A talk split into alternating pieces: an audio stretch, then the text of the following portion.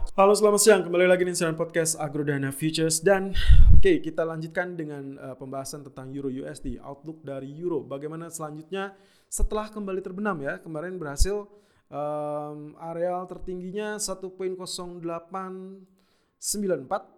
ya betul. Lalu kemudian dia turun sampai 1.0809 ya. Kemarin sebetulnya saya sempat menyarankan untuk sell, untuk untuk buy terlebih dulu ya karena lihat dari pola candlenya dan areal ketinggian itu sedikit tipis dari areal target kita yaitu 1.0905. Jadi sebetulnya strateginya sudah benar, tinggal sekarang yang jadi permasalahan adalah kita akan melihat potensi dari support kuat dari kemarin yang nggak ditembus-tembus, apakah kali ini dia akan tembus apa tidak? Ya, saya rasa ada potensi ya. Kalau lihat tekanannya, berarti kemarin dia hanya untuk spike mencari tenaga, lalu kemudian sudah terkumpul tenaganya, berarti dia siap untuk breakout area support. Jadi strateginya sebetulnya Anda bisa tunggu kalau dia tembus area 1.0775, Anda silakan lakukan sell, tapi dengan catatan ya, pastikan itu bukan fake breakout, artinya berarti untuk menghindari hal tersebut Anda harus menambahkan atau mengurangi kurang lebih. Ya, kalau misalkan karena ini kita mengincar area sell-nya, berarti sell on breakout-nya uh, di bawah 10 poin di bawah area support. Kalau support supportnya di area 75 berarti Anda harus sell di area 65. Jadi 1.0765 itu adalah target sell on breakout Anda ya.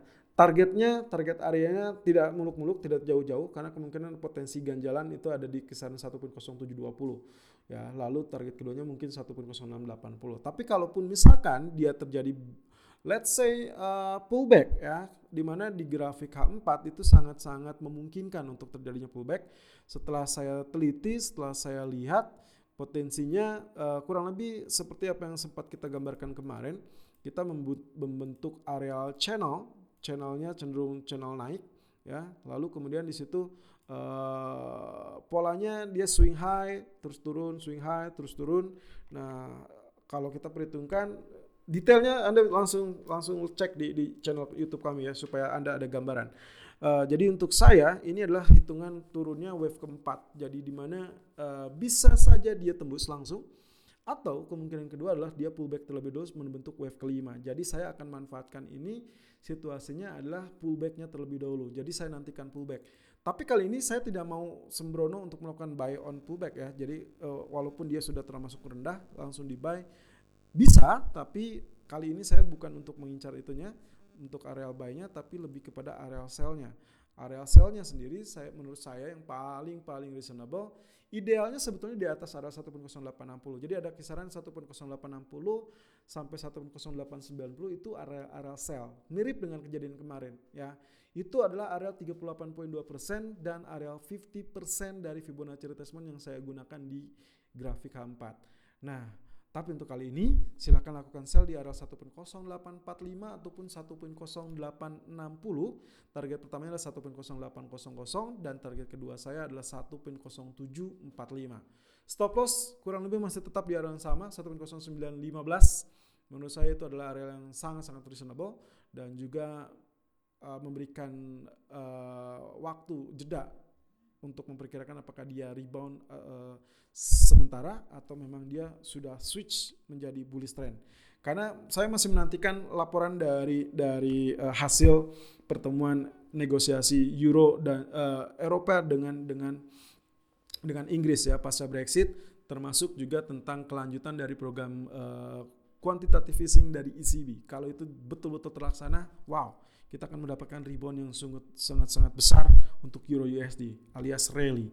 Oke, terakhir kita akan kupas tentang crude oil. Crude oil kali ini kembali berada di area 25 dolar per barel setelah sebelumnya sempat menyentuh area 26 dolar per barel, tapi ini sangat membingungkan ya.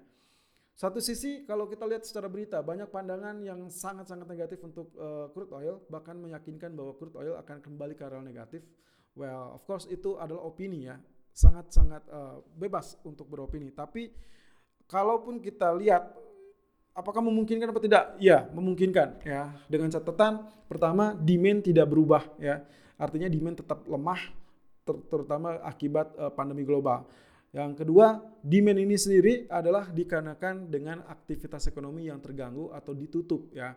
Kita sebutnya dengan yang area-area lockdown dan lain-lain itu adalah mengganggu aktivitas ekonomi. Tentunya itu demand akan akan terganggu dan otomatis kalau ternyata tidak diimbangi dengan pemangkasan supply ya ekstra pemangkasan supply maka kemungkinan potensinya akan terjadi seperti yang kemarin terjadi teman-teman anjlok sampai area minus 40 dolar per barrel itu masih memungkinkan tapi Nah, yang bisa membuat hal tersebut terhindari adalah tentunya kebalikannya. Kalau ternyata pemangkasan dilakukan secara uh, uh, ekstra, let's say dari target kemarin 10 juta dolar per barel, lalu ditambahkan oleh baik itu OPEC Plus ataupun mungkin uh, internal dari Arab Saudi sendiri ataupun bahkan Rusia.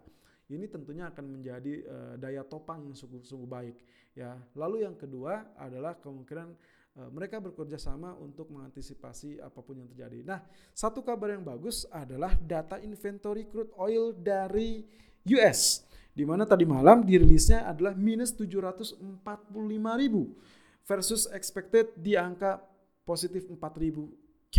Ya, ini suatu hal yang cukup positif untuk crude oil. Makanya kemarin atau tadi malam itu sempat spike sampai 26.15. Sayangnya memang ditutupnya kembali turun. Tapi kalau lihat dari polanya, lagi-lagi saya ingatkan bahwa kita berhadapan dalam pola inverted head and shoulder. Jadi setelah potensi kemarin yang terjadi pola ABC dari Elliott Wave sudah recover dan sudah selesai dan kita sekarang berhadapan dengan inverted head and shoulder. Apa artinya? Inverted head and shoulder itu akan mendorong uh, kembalinya crude oil ke dalam jalurnya ya. Dan saya kemarin memperkirakan akan terjadi uh, rebound sampai 27, tapi sayangnya ternyata tertahan di area 20 uh, 26.